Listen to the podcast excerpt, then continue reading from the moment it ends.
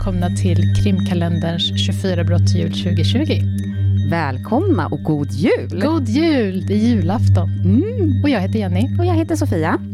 Och det här är som sagt en julkalender med 24 avsnitt i december varje dag ända fram till idag, Julafton. julafton. Och varannan dag så kommer Jenny berätta för mig om ett fall. Och varannan dag kommer Sofia berätta för mig. Och vi är ju riktiga true crime-nördar, vilket innebär att vi kommer göra djupdyk ner i varje fall. Mm, och fallen kommer vara alla möjliga slags brott. Mord, massmord, seriemördare och fall som inte innebär mord överhuvud. Och är det jättehemska fall så kommer vi inleda avsnittet med en varning, men man kan också komma ihåg att alla avsnitt ju handlar om brott och självklart kan anses vara hemska. Vi har också valt att använda citat på originalspråk om de är på engelska, för att vi tycker att man förlorar lite av innebörden i en översättning, men vi kommer också alltid sammanfatta citatet på svenska. Mm. Och krimkalendern heter vårt Instagramkonto, som ni jättegärna får gå in och följa. Eh, där lägger vi upp bilder för varje fall. Och eh, det gör att avsnitten blir lite mer kanske levande, eller vad man ska säga. Ja, ja, det tycker jag verkligen. Ja. Vi visar ju upp bilderna gärna för varandra medan Ja. vi läser upp, det har ni ju märkt. Om ni har lyssnat på oss förr. Precis. Och vi har kikat lite på möjligheten att göra det här till en betalpodd, men ändå väljer att fortsätta som en gratispodd. Men vill man stötta oss så får man jättegärna göra det och då kan man göra på två sätt. Antingen så kan man swisha och då finns numret på Instagram. Eller så kan man bli en Patreon och då går man in på patreon.com och söker på krimkalendern. Och idag har ju jag och Jenny faktiskt diskuterat att vi ska försöka göra bonusavsnitt som vi kommer lägga upp för de som är patrons. Ja, De månader där vi inte kanske släpper massa andra avsnitt då. pre- precis. Men att man får en liten, en liten godbit för att man sponsrar oss. Precis. Och vi vill också tacka på och tacka alla. Vi har fått några patrons. Ja, det har vi fått. Ja, det är, alltså vi är så tacksamma. Det är Ja. ju tack vare er som vi kan göra de här avsnitten. Ja, både våra patrons och ni som har swishat. Ja, så, gode tid ja. tack så jätte- jättemycket. Tack så mycket. Men nu är det dags att köra. Och den här dagen är det du, Sofia, som ska Mm. berätta ditt julaftonsavsnitt för mig. Ja. Ja, ska vi se. Jag tror att jag har hittat något jultema då. Ja, alltså det är ju det som är din uppgift idag. No pressure. Men det tror jag att du har gjort. Mm, Vi får väl se. Ja, Vissa argumenterar för att det var New York som uppfann julen. Washington Irving gjorde en biskop till Santa Claus och det var Clement Moore som gav honom renar. Båda författare och New Yorkare. Madison Square Park huserade den första offentliga julgranen 1912 och senare år flyttade den till Rockefeller Center. Det är början till att julen blir liksom en mer gemensam högtid. Innan dess så firades jul främst liksom inom familjen. Men nu utökas firandet till att innefatta ett gemensamt firande med alla New York-bor och snart följde andra amerikanska städer. intressant. Det här visste inte jag. Inte jag heller, Nej, men jag har researchat. ja, perfekt. Men få minns John Duval Gluck. Han är också New Yorkare. Och det är han jag ska berätta om idag. Och han är en stor del i en annan jultradition. Att skriva brev till tomten. Sedan uppkomsten av Santa Claus så har amerikanska föräldrar använt honom som liksom ett verktyg för att framkalla ett gott beteende hos sina barn. De första tomtebreven är inte till tomten, utan från. Det allra första är från 1820-talet, då Theodore Ledyard Kyler får ett signerat brev med uppmuntringar och råd från självaste tomten. Och nu säger jag ju tomten istället för Santa Claus. Ja, Och det kommer vara lite andra grejer som jag kommer ändra namnen på, för att det var så långa och krångliga ord. Men jag, jag kommer komma till det och förklara det lite tydligt. Under 1850-talet skriver Fanny Longfellow ett brev till sina barn från tomten och kommenterar på deras uppförande under det gångna året. 1850 skriver hon till sin son Charlie. Citat. Det tynger mig att jag ibland hör hur du inte är så snäll mot din lillebror som jag önskar att du var. Snart börjar barnen svara på breven och lämna dem vid eldstaden där de tror att röken ska föra breven till tomten. Men så småningom börjar breven skickas på ett mer traditionellt sätt. Under 1870-talet är det flera lokala postkontor som rapporterar att de börjar motta brev adresserade till tomten. Men utan någon verklig pälsklädd leksaksmakare att ta emot breven, så skickas breven till någonting som kallas för The Dead Mail Office. Och jag har lite svårt att översätta det, men så här, döda brev, Ja. ungefär. Och varje januari så slängs alla brev. Och det är ingen som tycker att det är en speciellt rolig lösning, men vad ska de göra? Mm. Och det är inte speciellt bra för posten ur en PR-synvinkel. Och till sist så är det New York Citys postmästare som ger med sig och går ut offentligt med ett erbjudande. Varje år under hela december är postkontoret berett att vidarebefordra alla brev till tomten till en godkänd organisation för att svara på tomtebreven. Och jag har valt att kalla det så, tomtebrev. Ja, Mm, då förstår ni, breven som är adresserade till ja tomten. absolut. Ingen anmäler sig frivilligt. Varken det året eller nästkommande. Alltså frivilligt som de som ska svara. Ja. Mm. Men sen, 1913, just när postkontoret är på väg att ge upp, kliver en man vid namn John Duval Gluck fram. Han kan vara tomtens ställföreträdare. John kan tänkas vara en konstig kandidat till arbetsuppgiften. Han har inga egna barn. Han är ensamstående, frånskild en gång och trots att han är medlem i en kyrka är han inte speciellt religiös. Och det är hämtat från en källa, men det vet ju både du och jag och antagligen alla lyssnare, att man liksom inte behöver ha barn eller vara religiös för den delen för att kunna göra goda gärningar. Verkligen inte. Så att, men, men, men media då tycker Ja. att han är lite en konstig kandidat. Jag förstår. Så det var lite konstigt kanske för, för den tiden, Ja. gissar jag. John föds 1878 och som äldst av fem bröder bodde han i Brooklyn i två år innan hans familj flyttade till Westfield, New Jersey.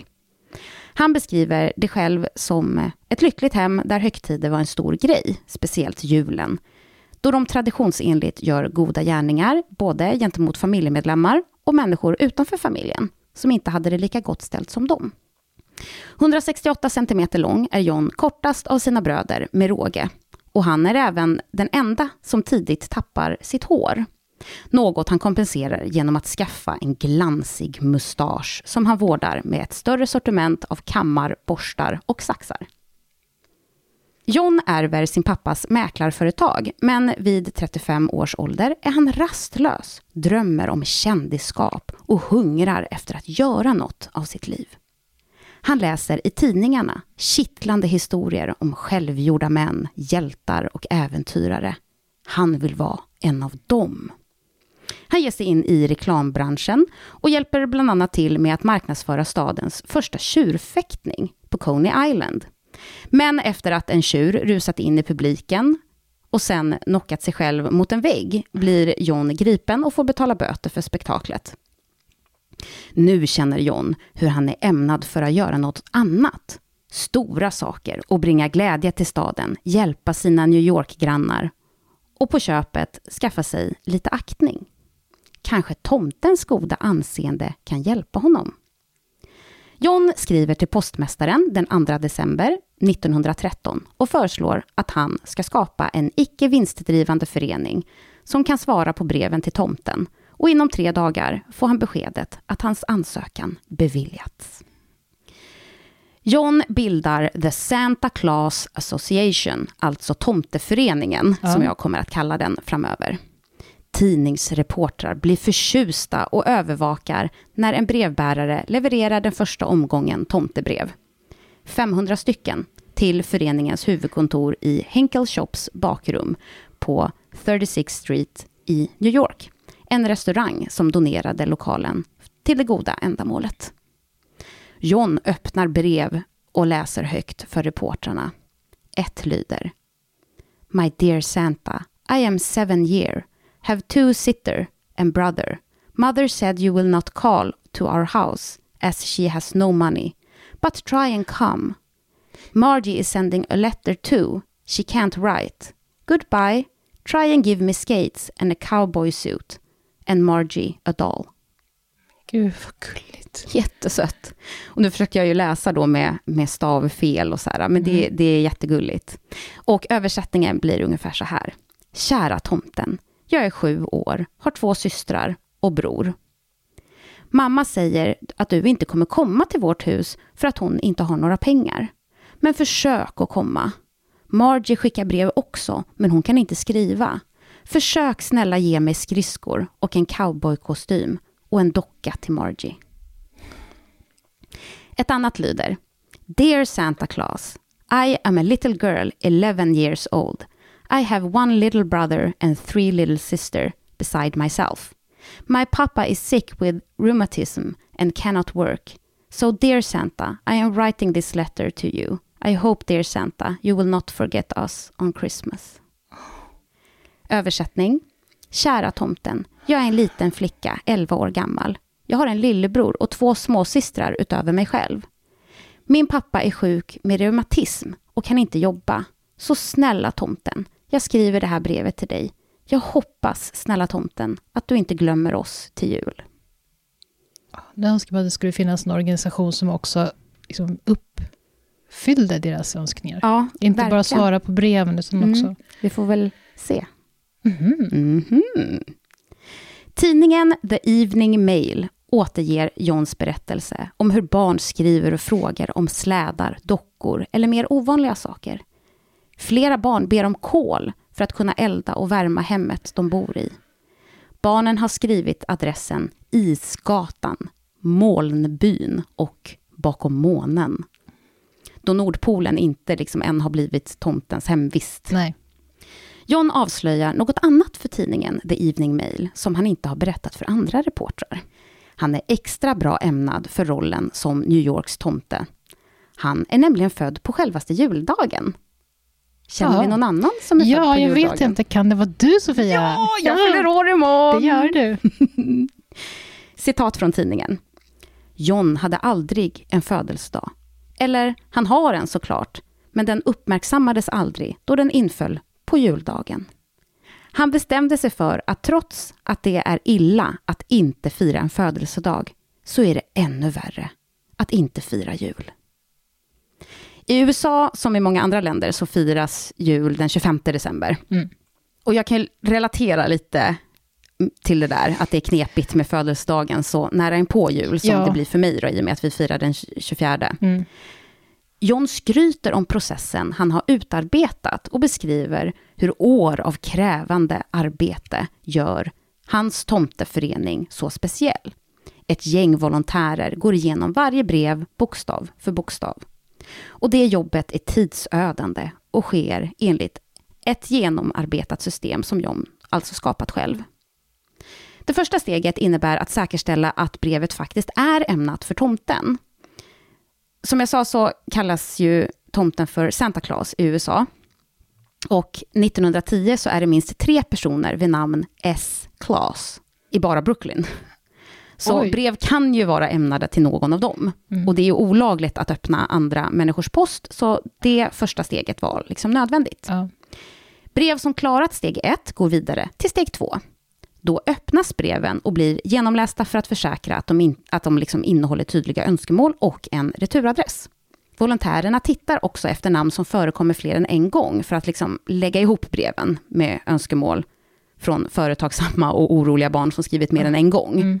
Eller typ om syskon har skrivit eh, och liksom bett tomten att komma ihåg den andra. ja, jag förstår. De breven läggs sen liksom i en speciell hög. Steg tre är att undersöka om barnet beskriver svält, hemlöshet eller övergrepp. Och då läggs sådana brev i en speciell hög som vidarebefordras till Public Charity Commission, en offentlig välgörenhetskommission för vidare utredning. Steg fyra är att läsa om författaren ber om överdrivna julklappar eller på annat sätt ger indikationer på att de liksom inte riktigt behövde tomtens hjälp. Okej. Även de breven läggs åt sidan i en annan hög. Och brev som klarar kriterierna, vilket John uppskattar är ungefär 70% av dem, är brev som äntligen är redo för ett svar. Alltså steg fem. Föreningens medlemmar har faktiskt ingenting att göra med liksom julklappar som barnen ska få. Varje godkänt brev skickas till en potentiell givare Aha. hämtad från en lista med namn och adresser till villiga donatorer, som i sin tur hittar önskad leksak, ordnar med inslagning och sen själva kan välja om de vill skicka julklappen via post eller personligen leverera för att liksom kunna uppleva barnens reaktion. Mm. Systemet är krångligt, men varje del är nödvändig. Föreningar i andra städer hade försökt komma undan med mindre, men de hade fått sina privilegier återkallade av postkontoret. Redan efter tre dagar inser tomteföreningen dock det problematiska i att arrangera det här hela. De flesta brev gäller inte bara ett barn, utan ofta två, och ibland så många som sex eller sju, vilket kräver väldigt generösa donatorer. Och dessutom kräver de här breven en hel del tid. Och då ju alla som liksom hjälper till med det här gör det på volontär basis så blir det ju ganska högt krav. Just det. De yngre volontärerna har inte så mycket tid att erbjuda och de äldre som kanske är pensionerade har tid, men blir snabbare trötta. John med sin företagsamhet vet hur man samlar in pengar. Och del av det är att få publicitet. John ser till att ha en hög medianärvaro. Reportrar frågar John vad barnen oftast önskar sig i julklapp och John svarar att pojkar oftast önskar sig pojkscoutuniformer eller snökälkar. Flickor önskar sig dockor och precis som vuxna kvinnor vill de ofta ha godis. Många vill ha rullskridskor också. Det ser man. Ja. Men det finns också mer ovanliga önskningar. En pojke önskar sig ett glasöga då hans gått sönder och en annan önskar sig en kostym han kan ha på sig då han ska möta sin pappa när han kommer ut ur fängelset. Och det där med flickor då och kvinnor som tydligen gillar godis är alltså någonting som John säger. Ja. inte någonting som du säger. Jag vet inte, jag, jag, jag, när jag läste det, jag bara, va, men det är väl inte en grej? Nej. Att just tjejer gillar godis mer än inte, män. jag har inte hört det förut. Nej, inte jag heller. Men det är Men- något han säger. Ja, 1912, eller vad var det? 13 tror jag det är. 13, ja. I tidningarna går John även ut med att donationer är välkomna. Han ber om runt 100 dollar till porto för att kunna svara på barnens brev. Och Tomteföreningen får ett enormt positivt gensvar. Och tidningsartiklarna leder till att fler volontärer ställer upp, men det leder även till att fler brev kommer. Ryktet sprids och snart tar föreningen emot 500 brev per dag, vilket närmare jul ökar till 1000 per dag. Oj jösses, hur många, vet du hur många volontärer det är? Nej, det vet jag inte. Men jag har lite siffror i slutet av säsongen Okej. på hur många brev de har svarat på. Mm. Ja, nästa mening är så här. Samtidigt ökar även antalet människor som är villiga att hjälpa till med både brev och donationer. Mm, ja. Även de är tusentals. Ja, jag förstår. Dag fyra får föreningen ett telefonsamtal från General Edwin Augustus McAlpin från The United States Boy Scout. Alltså en konkurrent till The Boy Scouts of America. Så The Boy Scouts of America är tydligen liksom scoutföreningen nummer ett. Ja. Och sen så har en annan då startat en förening som heter nästan samma sak. Ja. Han i alla fall erbjuder att 500 scouter kan hjälpa till. De dyker upp redan nästa dag och hjälper till med kontorssysslor och att hälsa på föräldrar för att liksom säkerställa att barn som skickat breven verkligen är i nöd och behöver svar och kanske julklappar. Hjälpen är alldeles nödvändig för att föreningen ska lyckas fortsätta sitt arbete, för det stora antalet brev förvånar alla. Och i och med allt detta hoppas John kunna dela julglädjen med fattiga barn. Den där julglädjen han själv minns från barndomen. Han säger att julen borde vara en lycklig dag för alla barn och det är hela syftet med föreningen The Santa Claus Association, att sprida julfriden. Han säger There's no charity about it. We are purveyors of Christmas spirit. Vad fint. Alltså, det har inget med välgörenhet att göra. Vi är leverantörer av julstämning. Tidningar konstaterar att föreningen och dess goda syfte väcker en oväntad källa av julgenerositet i staden. Och Johns system fungerar. Det visar sig att hans hypotes stämmer. Välgörenhetsorganisationer överlag har för mycket kostnader, vilket människor ser och därför inte vill donera pengar. Men det finns människor i New York som gladeligen ger 50 dollar till en fattig familj, men grämer sig över att ge 50 cent till en välgörenhetsorganisation. Med sin bakgrund inom företagande känner sig John säker på att han kan organisera en verksamhet som var effektiv och kostnadssnål.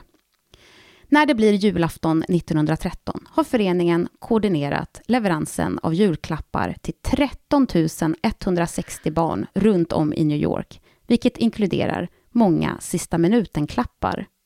John kontaktade biltillverkare som lånar ut över 100 bilar som ser till att de hinner bli levererade innan den 25 december, då jul alltså firas i USA. Alltså vilken 13 000. Ja, helt otroligt. Ja, tänk få ihop allt det här. Ja, det är helt otroligt. Leveranserna fortsatte sent in på natten. Några av volontärerna klädda som tomten. Mm.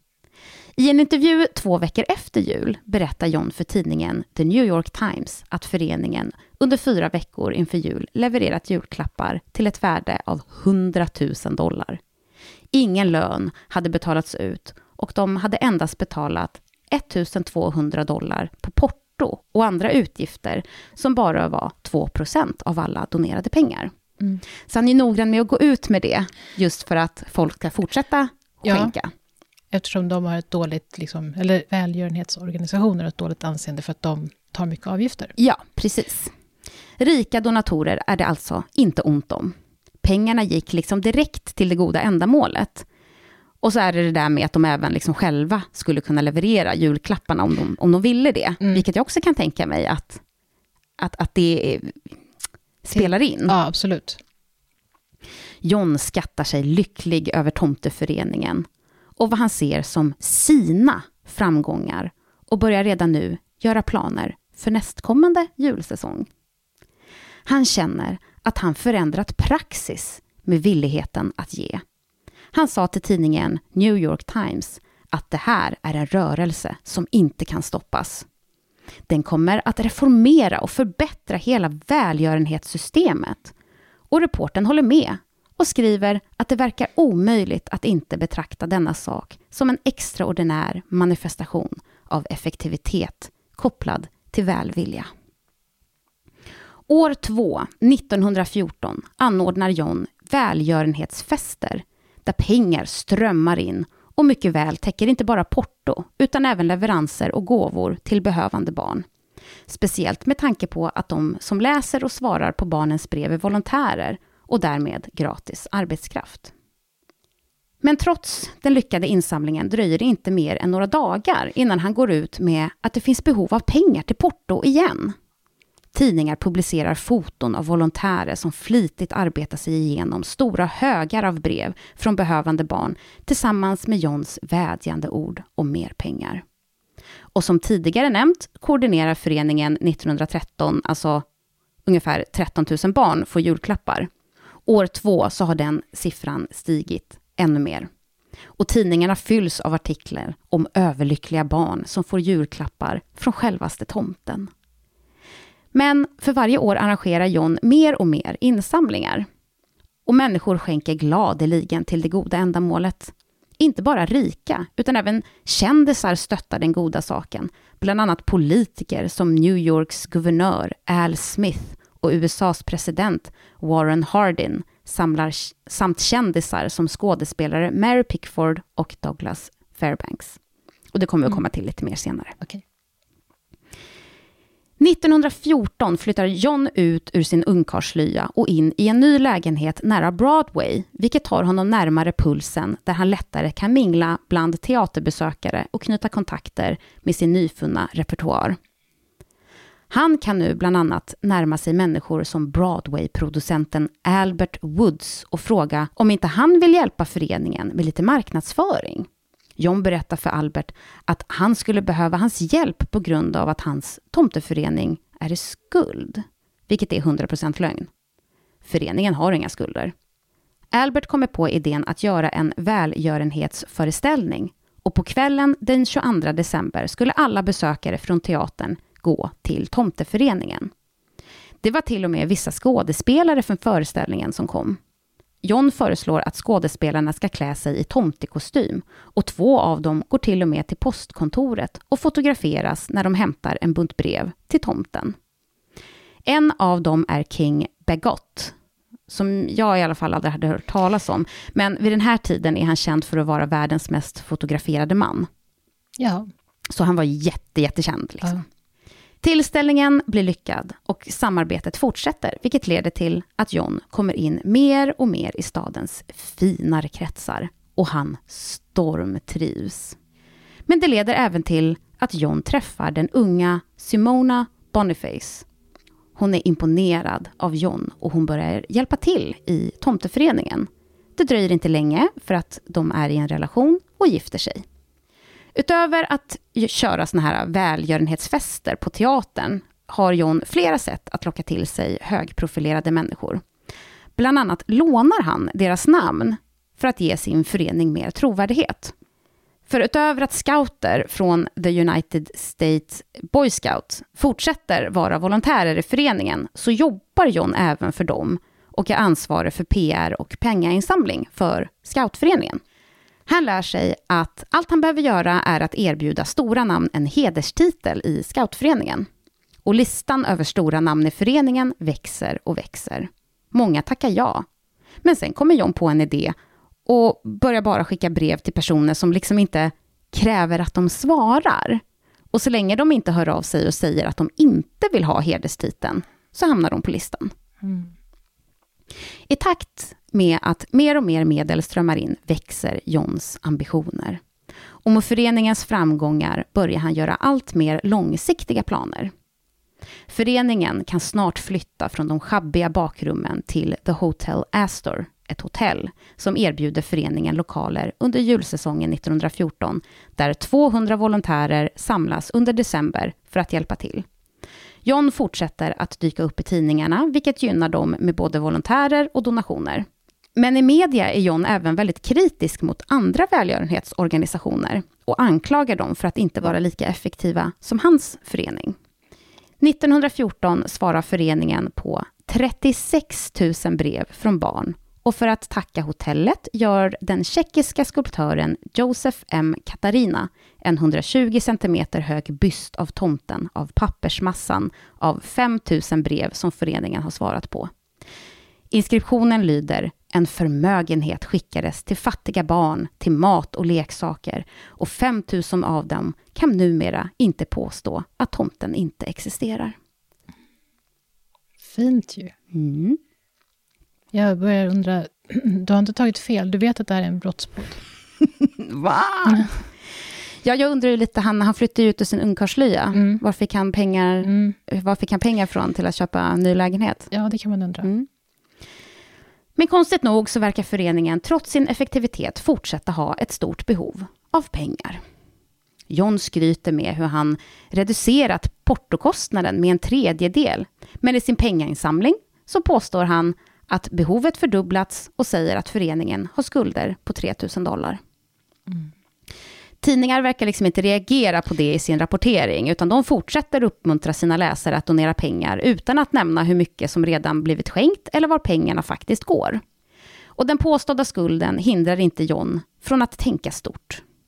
I samband med att han värmer upp inför julsäsongen 1915 öppnar The International Santa Claus Association. Inte bara i Boston, Cincinnati, Atlanta och Baltimore, utan även i Kanada. Och det står inte vilken stad i Kanada. Nej. Så att det han gör är att han öppnar liksom en internationell tomteförening. Ja, man Mm. tänker verkligen stort. Verkligen. Den tredje säsongen, 1915, flyttar föreningen igen och nu till Woolworth Buildings 30 våning, som då är världens högsta byggnad. Och John anordnar en affischtavla i hörnet 7th Avenue och 53rd Street med en stor illustration av tomten och texten Make some little kitty's heart happy for Christmas. We collect thousands of letters from the post office each year. Come get one and play Santa Claus. Alltså, gör ett litet barns hjärta glatt i jul. Vi tar emot tusentals brev från postkontoret varje år. Kom och ta ett och spela tomten. Det året levererar föreningen julklappar till 50 000 barn i 16 000 familjer. Men i och med att julen är över är inte Johns spektakel för året slut. För när föreningens jobb lugnar ner sig och högen av brev gåtts igenom på juldagen 1915, tre år efter föreningen grundats, stormas kontoret av reportrar. John avbryter sina volontärer och informerar dem om att han ska gå ut med ett kungörande. Sen släpper han de stora nyheterna. Föreningens specifika arbetsuppgift kräver en helt egen byggnad, säger han. Adressen ska vara mitt i New York City. Tidningarna rapporterar. John vill hjälpa barn, men han begär även den kändisskap och rikedom som tomteföreningen ger honom. Slutcitat. John hade gett i uppdrag till George och Edward Bloom att skapa citat den mest unika byggnaden i Amerika. The Santa Claus Building, eller Tomtebyggnaden, på Manhattan ska vara gjord av vit marmor med en massiv välvd portal nästan sex meter djup som huvudingång. Fasaden skulle skildra versioner av jultomten från världens alla länder, var och en skapad av en konstnär från landet i fråga. På byggnadens första våning skulle föreningens kontor huseras tillsammans med andra välgörenhetsorganisationer.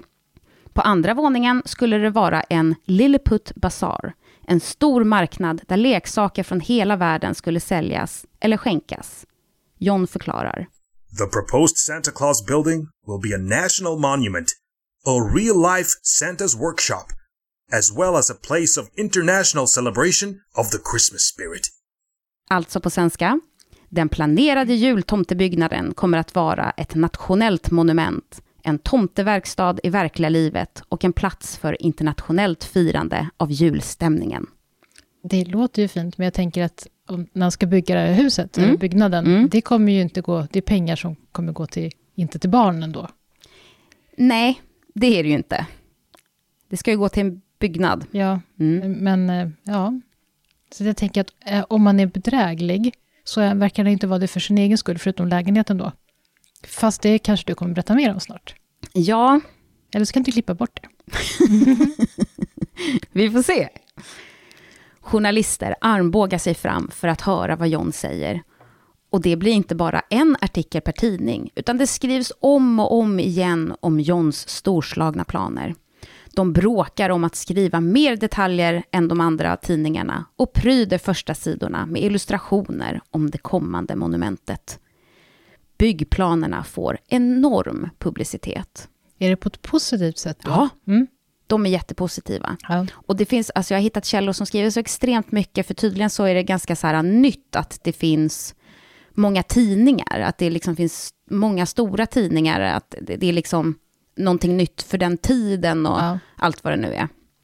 Varje detalj verkar ha gåtts igenom varsamt innan de presenteras för reportrarna, förutom den lilla detaljen hur bygget skulle finansieras. John meddelar att den kommer kosta 300 000 dollar och de pengarna säger han ska citat Amerikas mödrar betala. Det kommer bli den enklaste saken i världen, säger han. Alla står i skuld till tomten. Jaha. Amerikas mödrar. Mhm. Pengainsamling har alltid varit en av Johns gåvor. Han börjar på en gång. Eller faktum är att han redan börjat. Att gå ut med planerna i stadens alla tidningar är ju en del av den planen. John för en databas med 76 000 donatorer som han skickar förfrågningar till gång på gång. Han drar igång insamlingar till alla möjliga välgörenhetsändamål med flera olika föreningar som han skapar. The Defense Report Committee, Crusade Against Illicit Traffic in Narcotics, Serum Control of Cancer, Anti-Prohibition Group och något han kallar The Window Crib Society. Det är alltså föreningar som bland annat ska stoppa cancer, narkotika och främja hönsnätkorgar som man alltså fäster utanför hyreshusfönster och där Aha. placerar sitt barn så att de ska få lite frisk luft och solsken. Oj då. Mm. Det finns bilder på sånt. Och det får jag se. Vill du se bilder? Väldigt gärna. Där är en bild av John Duval Glock. Ja. Det är ju ett färglagt svartvitt foto. Mm. Där är en bild med John och en tomte. Ja. Där är en alltså bild av eh, de här eh, korgarna. ja. Den har tak också. Det var det jag var lite orolig för. Ja. Nej, det, Nej. Man, kan fästa, man måste ju fästa den på ett säkert sätt då. För Ja. att det, och det var så en grej tydligen. Och, men jag vet inte, om, den hade ju inte jättestor genomslagskraft. Liksom. Det är som en liten balkong, Mm. typ. Ingen av dessa försök blir någonsin lika framgångsrikt som Tomteföreningen. Men någon tomtebyggnad blir det aldrig. Antingen för att han inte fick de 300 000 dollar som bygget skulle kosta, eller kanske mer troligt, att han får pengar. Kanske inte 300 000, vad vet jag, men att pengarna går till något annat. Förslagsvis ner i Johns egen ficka. Operationen fortsätter och eh, blir lite av en årlig tradition. Ett barn skriver 1919. Dear Santa Claus, when you crawl into our flat by the fire escape, I've got a nice hot bowl of soup for you on the stove. It's hot. It's all I can do, but I'll bet you're cold. Give me a dolly, and brother Jim wants a gun. I hope you like my soup. I'll make it myself. Here are a lot of kisses. I want a shut-eye dolly. Dorothy Miller. Åh, Gud, det är så fint. Så på svenska blir det, kära tomten, när du kryper in i vår lägenhet genom skorstenen så har jag ordnat en god och varm tallrik soppa åt dig på spisen. Den är varm. Det är allt jag kan göra, men jag kan tänka mig att du är kall. Ge mig en docka och min bror Jim vill ha en pistol. Jag hoppas du gillar soppan. Jag har lagat den själv. Här finns många pussar till dig.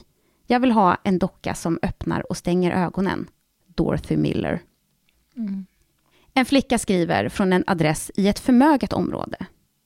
My dear Mr Santa Claus, my papa is a millionaire, so I don't need your toys. But if you need money to get things for poor children, come to my papa. He's rich. I'll tell him to give you a check. Goodbye. Så på svenska. Kära herr tomten, min pappa är miljonär, så jag behöver inte dina leksaker, men om du behöver pengar för att ge saker till fattiga barn, så kom till min pappa, han är rik. Jag ska säga åt honom att skriva en check. Hej då! Ett tredje brev lyder. To Santa Claus on top of the North Pole.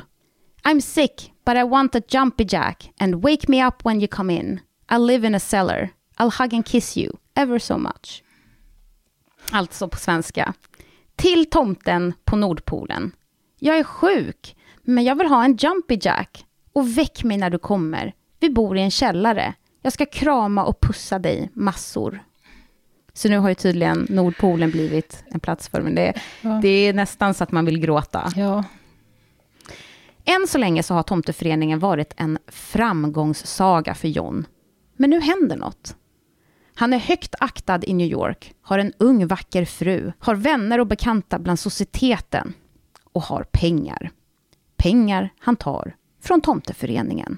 Pengar som välgörare donerat till inte honom, utan för att finansiera att brev ska skrivas och julklappar ska skänkas till behövande barn. Nästkommande säsonger rullar på på ungefär samma sätt. Men bra mycket mer lågmält än de första två med publicitet och explosiv tillväxt. John drar sig undan lite från massmedia. Kanske för att han vet att det liksom aldrig kommer byggas någon tomtebyggnad. Och man vet inte om han någonsin trott att den liksom skulle bli verklighet. Eller om det bara var ytterligare ett sätt att komma över mer pengar. För det blir ju liksom aldrig någon tomtebyggnad och det faktum är liksom ingenting som tidningar uppmärksammar. Så det blir liksom ingen skandal vad konstigt. Jag tänker de som skänker pengar måste ju också undra, Jag vet inte. vart är byggnaden? Alltså han utnyttjar ju verkligen människors goda vilja att, att göra gott. Ja. För det är ett jättefint ändamål. Ja, absolut. Det tycker vi också. Ja. Ja. Inför julsäsongen 1917 flyttar föreningen sina lokaler igen. Denna gång till hotellet McAlpin. 1917 är även året USA ger sig in i första världskriget. Mm. Så det årets brev från barn till tomten innehåller fler och fler önskningar om fred. John introducerade en sak som han kallar röda kort-systemet. Han menar att alla julklappar till barn vars fäder är i krig ska prioriteras. Han startar även något han kallar Kommittén för behövande tyska av amerikansk härkomst. Så han försöker liksom ta sig in i folks hjärtan via deras känslor kring kriget också. Mm. Han utnyttjar liksom allt han kommer över. Människor vill dra sitt strå till stacken, både gällande kriget och behövande barn. Och Johns kombination av båda två gör att donationerna rullar in igen. Nu när Tomteföreningen är etablerad har donationerna nämligen liksom avtagit lite, till Mm. skillnad då från de första två åren. Ja. Men många vet att det sker mycket fusk med välgörenhetsorganisationer. Och Edward Swan, som är New York Citys District Attorney, tittar på just det här. Alltså distriktåklagare. Och då även Tomteföreningen. Mm. Ideella föreningar är liksom inte direkt kända för att ha en ordentlig bokföring, så utredningen är inte speciellt lätt. Men en förening som åker dit är United States Boy Scouts. Och de märker att John är ansvarig för pengainsamling för just den föreningen. Just. Han får en lön på 500 dollar, men de märker att han utöver lön även får generösa arvoden, vilket liksom inte ser helt okej ut. Nej. Och det väcker vissa frågor kring intressekonflikt gällande hur han liksom gjort reklam för scoutföreningen, samtidigt som scouterna är volontärer i hans tomteförening. Mm. För ju bättre scoutföreningens anseende är, desto mer pengar strömmar ju liksom in till dem. Distriktåklagaren fortsätter gräva och tycker att det ser ut som att scoutföreningen ber om mycket mer pengar än de logiskt sett kan behöva. Vilket ju även känns igen då från en annan förening som John är ansvarig för. Dessutom skriver John pengainsamlingsbrev för Tomteföreningen, där han inkluderar då kända människors namn som hedersmedlemmar. Det pratade vi om förut. Ja.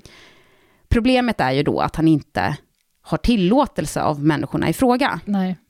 Men än värre är att breven skickas med avsändaradressen The United States Boy Scouts. Han använder alltså scoutföreningens namns goda anseende och dessutom liksom fullt medveten om att namnet är väldigt likt Boy Scouts of America. Och räknar liksom med att få mer pengar på grund av deras goda anseende också. Mm. Och det är någonting som distriktåklagaren faktiskt kan göra någonting åt. Han kallar in John och The United States Boy Scouts till sitt kontor. Först vägrar de att komma överhuvudtaget. Och när de väl gör det så vägrar de att samarbeta. Men det är uppenbart att föreningen har blåst upp sina siffror. Och de enda som gynnas av det är John och ledningen i scoutföreningen. Ja. Men det är liksom svårt att bevisa med tanke på brist på bokföring, vilket då, som vi sa, inte är ovanligt då för sådana här äh, volontära och alltså organisationer Nej. som inte är liksom företag. Det bästa distriktåklagaren kan göra är att beordra dem att sluta använda namn de inte har rätt att använda i syfte för att samla in pengar. Men än värre blir det för scoutföreningen. De hamnar till slut i en rättsprocess i Högsta domstolen och det gäller namnet. Rättssaken drar ut i liksom flera år, så jag kommer återkomma till hur det går med, med det senare i historien. Mm. Under tiden går vi tillbaka till Tomteföreningen igen. Där är det mer eller mindre som vanligt. Men under 1917 går John ut med att han kliver ner från sin ställning i Tomteföreningen och gör sin 22-åriga fru Simona, föreningens president, i hans ställe. Hon har i stort sett just examinerat från college och har liksom ingen erfarenhet av att leda en så stor operation. Hon gör inte jättestrategiska val, vilket gör att många som stöttat föreningen hoppar av de kommande åren. Och varför John tar beslutet att kliva ner som president i föreningen vet vi inte. Kanske för att han liksom varit nära att bli påkommen med sina skumma affärer och känner att han måste hålla lite lägre profil. Men vissa tycker sig veta den riktiga anledningen. Secret Service är en amerikansk federal polisorganisation med ansvar för presidentens och vicepresidentens livvaktsskydd samt för att bekämpa falskmynteri. Och i ett anonymt brev som skickas till just Secret Service informerar uppgiftsgivaren att John är en tysk spion. Amen. Att folk anklagar andra för att vara tyska spioner vid den här tiden är liksom inget ovanligt med tanke på kriget. Det finns antityska åsikter spridda i hela landet och John är inte den enda som anklagas för att vara spion. Vissa spejade i de tyska avdelningen på biblioteken och anmälde folk som läste misstänkt många böcker på tyska. ja. Och källan uppgav flera liksom, så här, löjliga exempel på det här, för det är ju helt befängt. Ja. Men jag tog med den, för den var nästan värst. John läser inte tyska böcker, men den anonyme brevskrivaren informerar Secret Service om att John har tyskt ursprung och han har öppnat upp en avdelning av Tomteföreningen inriktat mot att bara hjälpa tysktalande barn. Ja. Det var ju den där äh, att de skulle hjälpa äh, tyska barn med amerikansk ursprung. ja, just det. Och inte bara det, dessutom reser han ofta till Kanada. Vad, vad nu är så misstänkt, Det är med det i sammanhanget. Men det hade i alla fall, det stod också i brevet, Ja. han reser till Kanada. Ja. Han Ja. har ju faktiskt en, eh, en utpost utav, av föreningen där. I Kanada, han ju, så det kan ju ha varit där i det, i det syftet. Men det nämner han i alla fall som misstänkt.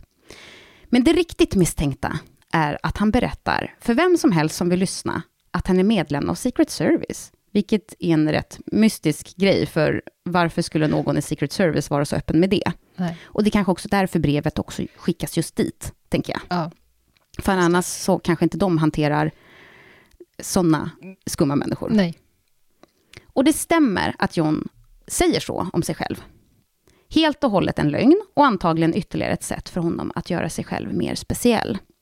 Men det anonyma brevet hamnar i alla fall på Secret Service-agentens J.W. Kemps bord och han börjar gräva lite i ärendet. Och vad han hittar är ett liknande lurendrejeri som distriktåklagaren hittat. John hade 1916 startat en grupp som han kallade The Citizenry Secret Service. Alltså typ befolkningens Secret Service. Ja. Något som han beskriver som en möjlighet för den liksom, gemene amerikanen att mot en blygsam summa kunna få bidra till att bekämpa tyska spioner och slåss för USAs frihet. John skriver till landets president, Woodrow Wilson, och föreslår att han med sin unika position som ledare för denna välvilliga organisation med kontakter i stadens lägre skikt och speciellt med den tyska befolkningen har en ypperlig position att hålla koll på de fattiga. Han skriver att de fattiga inte är någon slags oskyldiga människor som hamnat på sniskan i livet. Nej, de är mer som bomber som kan smälla av när som helst. Om trubbel händer kommer det garanterat komma från de fattiga. Och det här säger John. Det här säger John. Ja, Ja. en man som varken har frukost, lunch eller middag är en farlig man. Dessa farliga människor kan inte bara låtas löpa helt fria. Han signerar brevet med John D. Gluck, Esquire, vilket är typ en ärefylld titel, som, men källorna indikerar att det typ betyder att man är någon slags jurist. Mhm. För källorna säger citat, detta trots att John aldrig studerat juridik. Ja.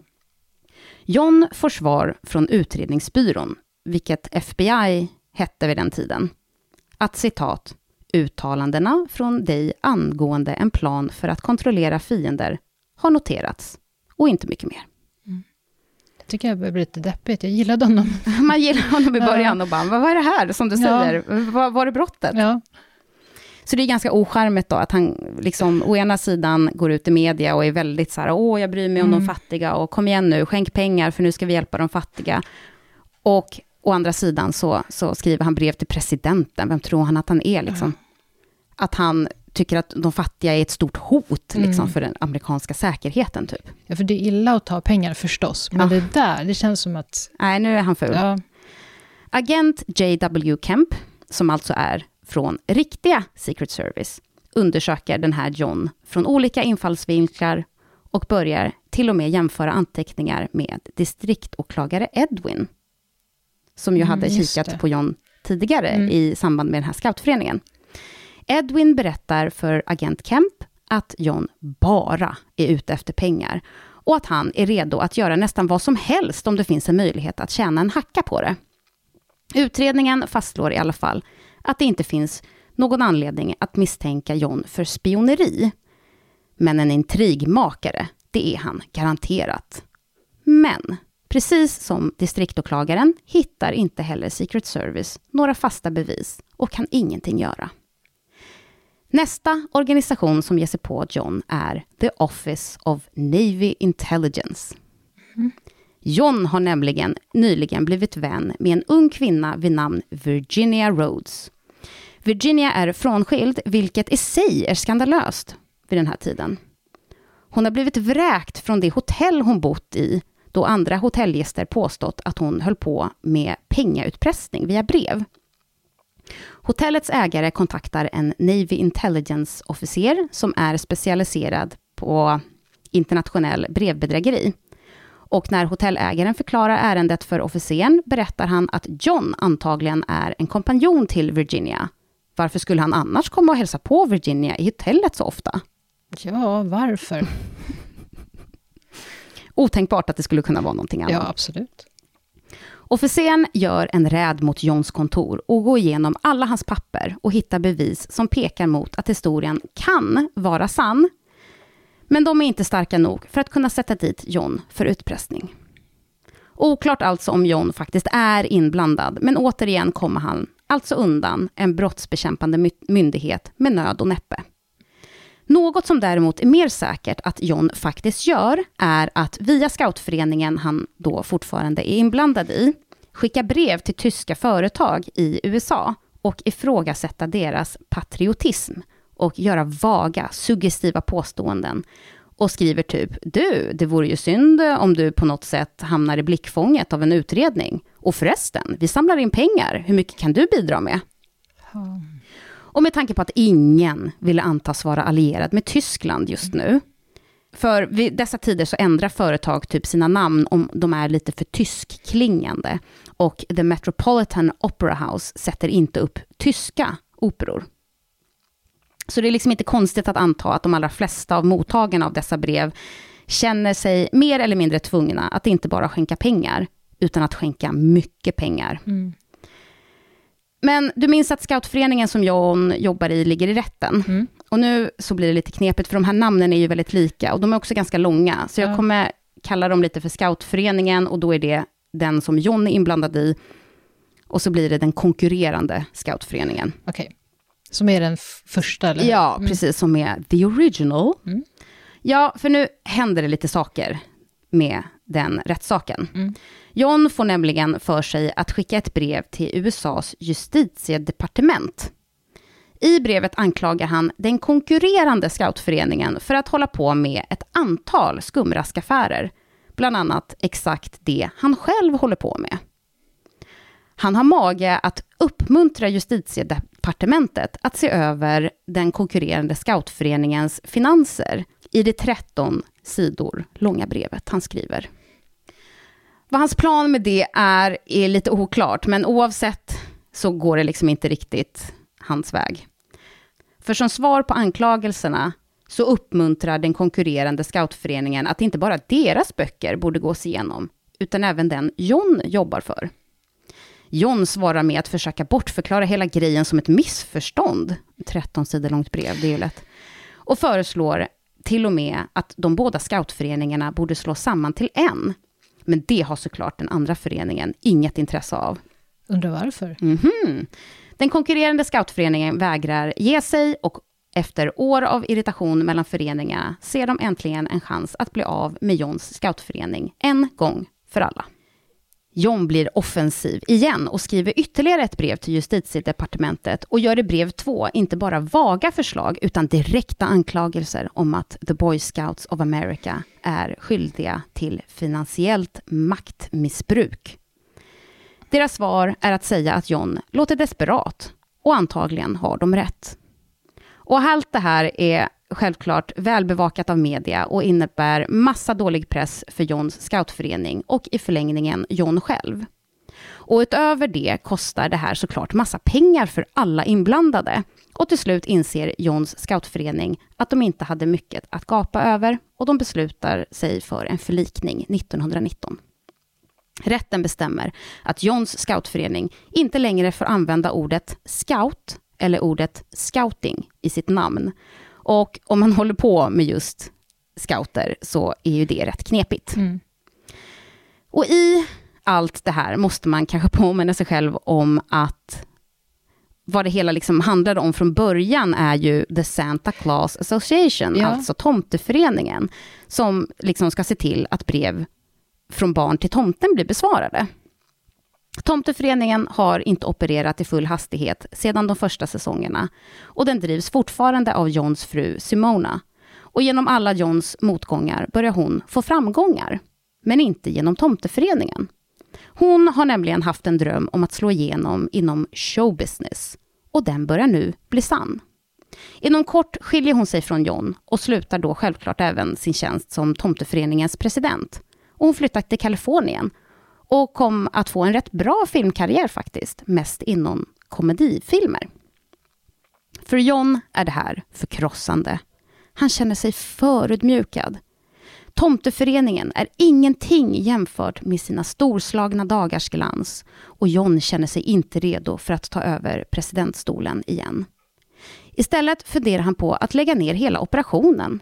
Han skickar ett förslag till Frälsningsarmén om att de kunde ta över ansvaret över breven till tomten. Men istället för att berätta sanningen får han det att låta som att han har, med alla sina framgångar har alldeles för mycket att göra för att även lyckas driva den mycket framgångsrika tomteföreningen. Frälsningsarmén svarar dock att de inte känner att de kan göra tomteföreningen rättvisa. Och John hittar istället en pensionerad affärsman vid namn Samuel Brill att ta över föreningen. Och för ett tag drar sig John tillbaka från offentligheten. Tar han över liksom som bara chef? Eller? Ja. ja han, han äger den inte? Eller liksom, nej. nej. Jag tror att ja, om, det, om föreningar funkar på samma sätt som här, så mm. kanske John fortfarande ja, står som grundare eller ja. ja vad vet jag. Mm. John är frånskild två gånger, har förlorat sitt jobb i scoutföreningen, står inte längre i tomteföreningens strålglans och efter alla omgångar med utredningar och allt så är John knäckt. Han jobbar lite för en tidning i New Jersey. Som en ständig påminnelse om sitt nederlag skickas av misstag tomtebrev gång på gång till Johns hemadress. Men det har under åren efter att Simona lämnat presidentstolen börjat gå bättre för tomteföreningen under den här affärsmannen Samuel. Han investerar mycket energi att få uppmärksamhet till föreningen, lite som ju John hade gjort. Och John, han iakttar från avstånd medan han drar i trådar lite här och där för att hålla sig själv någorlunda involverad och aktuell. Men samtidigt hålla låg profil. Men 1922 så förändras allt det. Nu är John redo att ge sig in i rampljuset igen och börja leta nya kontorslokaler för årets julsäsong. Han lyckas landa en lokal i den välaktade Knickerbocker Building och han vet att om hans återkomst ska, ska bli så storslagen som han vill så måste han dra igång med en smäll. Dessutom så har han kommit över Simona och gift sig med en ny kvinna. Tack vare tomtens goda rykte och med stöd för det goda ändamålet från skådespelarna Douglas Fairbanks och Mary Pickford så går det bra. Skådespelarna kickar av säsongen från deras svit på ett lyxigt hotell. Detta ger såklart John massa positiv publicitet, precis enligt planen. Och de här Douglas och Mary är så jättestora stjärnor. Mm. Det är typ som att Brad Pitt och Angelina Jolie, när ja. de fortfarande var ett par, mm. skulle göra det, ja. ungefär. Jag känner igen eventuellt namnen, jag men jag... Ja, mm. Så de är, det är alltså jätte, jättestort att de är med på det här. Mm. Och nästa julsäsong, 1923, blir John mottagen ännu bättre. Efter alla motgångar de senaste åren så går det bra för John igen. Och på vilket sätt är han med i organisationen igen? Eller kör han ja, nu, nu, så tar han över igen Aha, och, och liksom tar ledning och mm. liksom drar i hel, alla trådar för att eh, organisationen... Som han gjorde från början? Typ. Som han gjorde från början, mm. precis. Kriget är över. Det glada 1920-talet är i full sving och det är som att New Yorkarna nu har en längtan efter solskenshistorier som att barn får brev och julklappar från tomten till exempel. John börjar ställa till med stora insamlingsfester i föreningens namn, som en massiv nyårsfest 1923 som hålls i det flådiga Waldorf. På festen är det fina gäster och kändisar, som till exempel boxaren Jack Dempsey. Festerna innebär att föreningen drar in massor med pengar och John drar igång med reklam igen. Han driver en pengainsamling för Samaritan-sjukhuset, vilket visar sig inte vara en speciellt bra drag, då John såklart inte kan hålla sig till sanningen. I kampanjen så låter John sjuksköterskor från sjukhuset posera som högsocietetdamer som sätter sig för att dricka en kopp te. Rubriken lyder Överklasskvinnor stöttar sjukhusinsamling. Men det tycker inte kampanjledaren om och skriver till tidningar som har publicerat bilden för att dementera.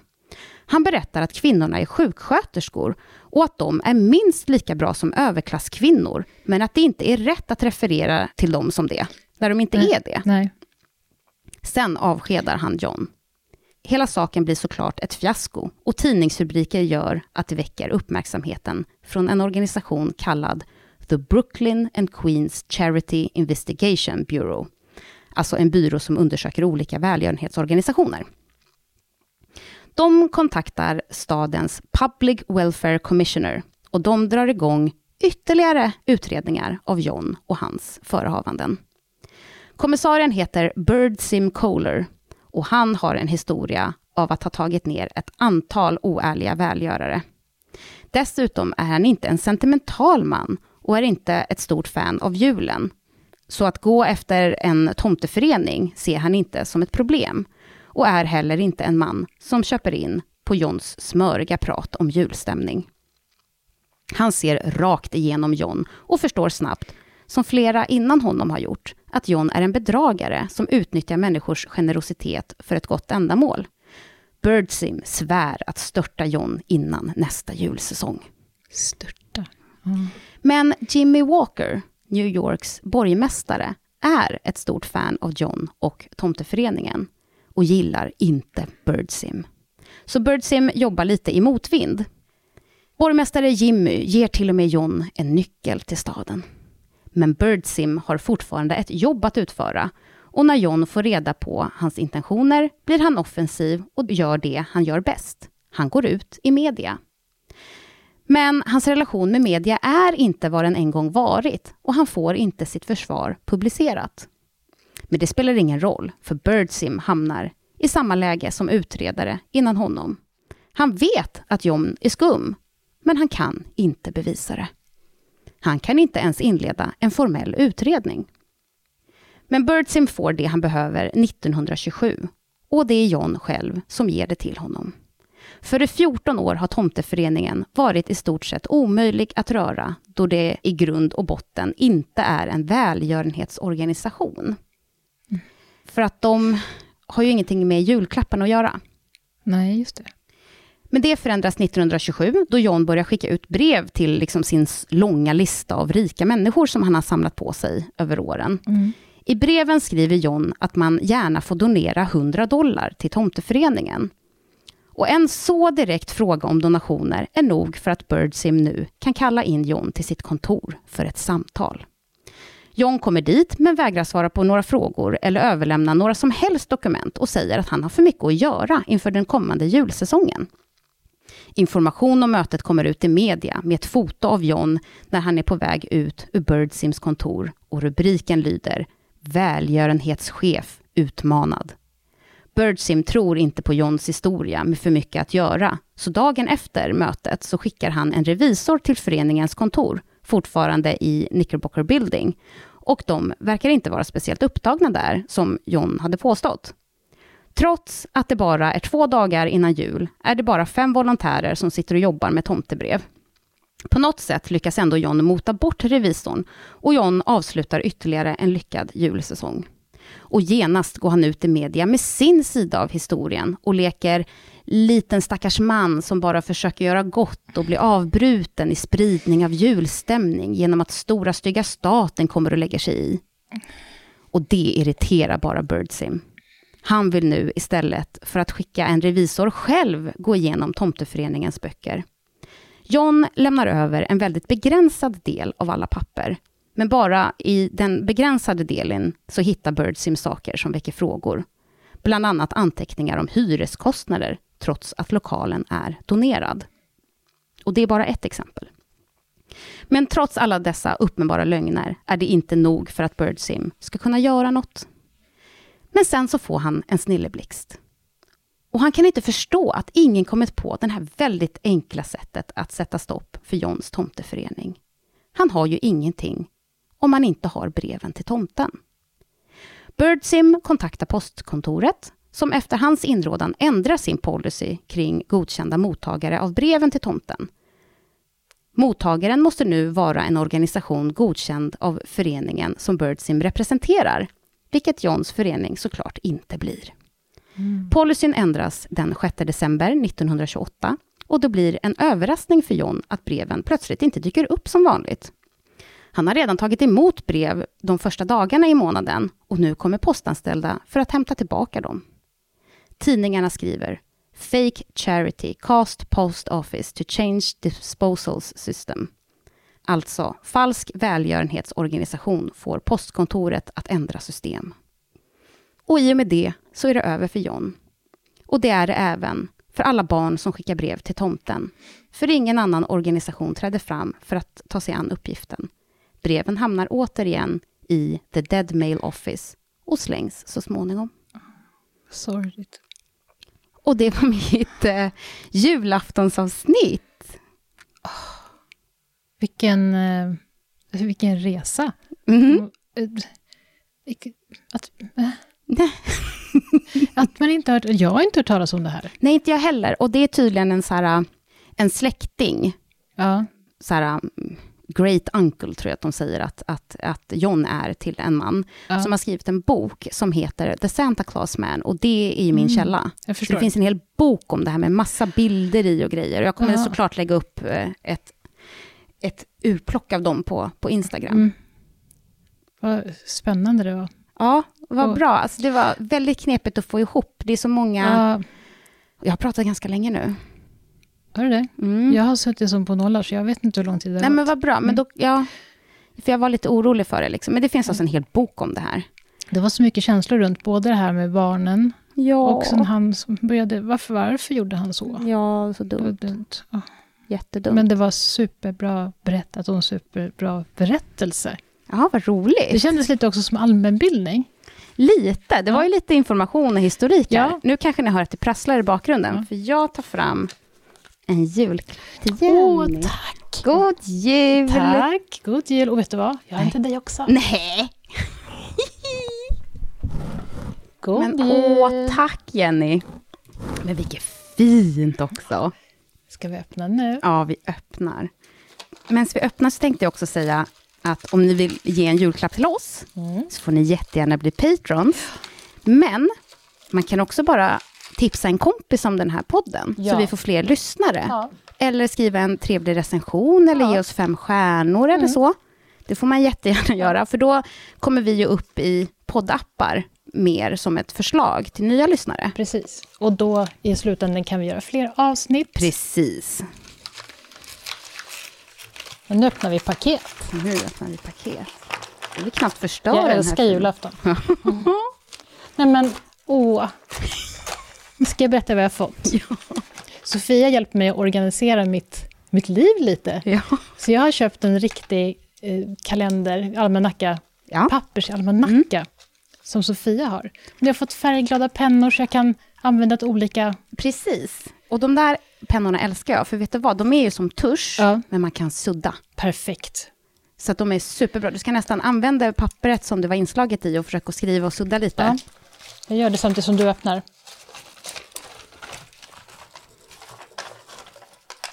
Nej men åh, och det här är minnen. Det, det där jag älskar. Men du har kanske redan har? Nej! Jag har inte. Nu har jag. Det är alltså en sån här änglaspel, en sån eh, lykthållare, eller vad man säger. Ja. Och så, så ångan från ljuset gör att det liksom snurrar. Ja. Åh, vad fint!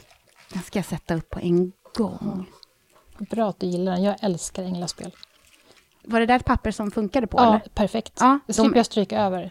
Precis, för att jag har ju samma grej, ja. att du vet. Och så, så, om, speciellt en kalender, om man skriver upp någonting, och så mm. ändras planerna, ja. så bara tjoff, tjoff, tjoff. Och så lite olika färger också. Ja, Den använder jag när jag pluggar också, när jag gör understrykningar. Så kan jag sudda det sen när jag ska sälja böckerna. Nej, men då kan ju till exempel den gröna vara våra inspelningar. Precis. Med tanke på att eh, de här luckorna på Instagram är gröna. Precis. Mm. Ja. I år, nästa år blir det en annan färg.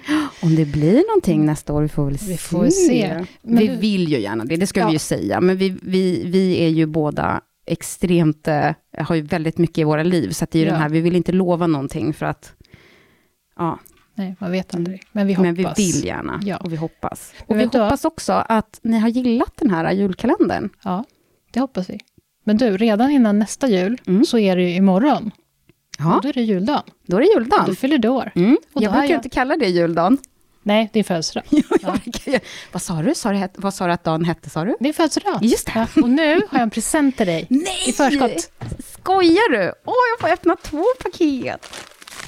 Nej, men, Grattis på födelsedagen. prassla in. Nej, Ska jag öppna den nu? Ja, såklart.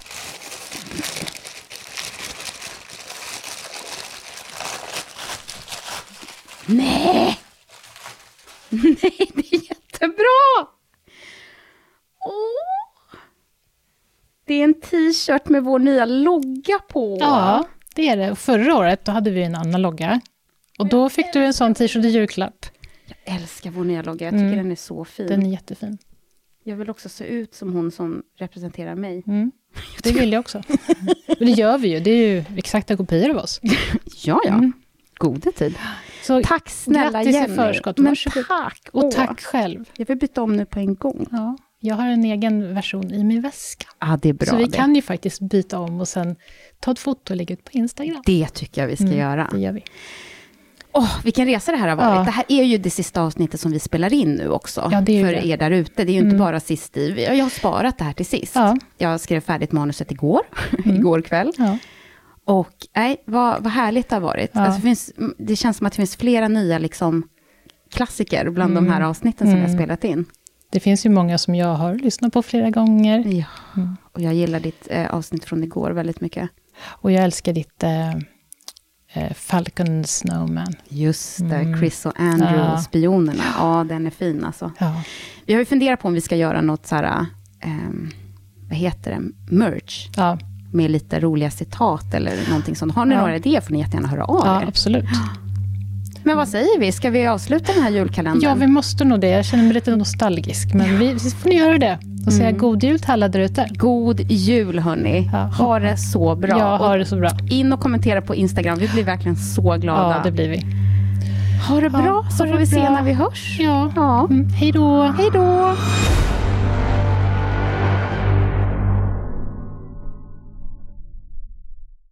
Han bestämde sig för att trots att det Han bestämde sig för att trots att det. Han bestämde sig för att trots att det. Men varför kan jag inte prata?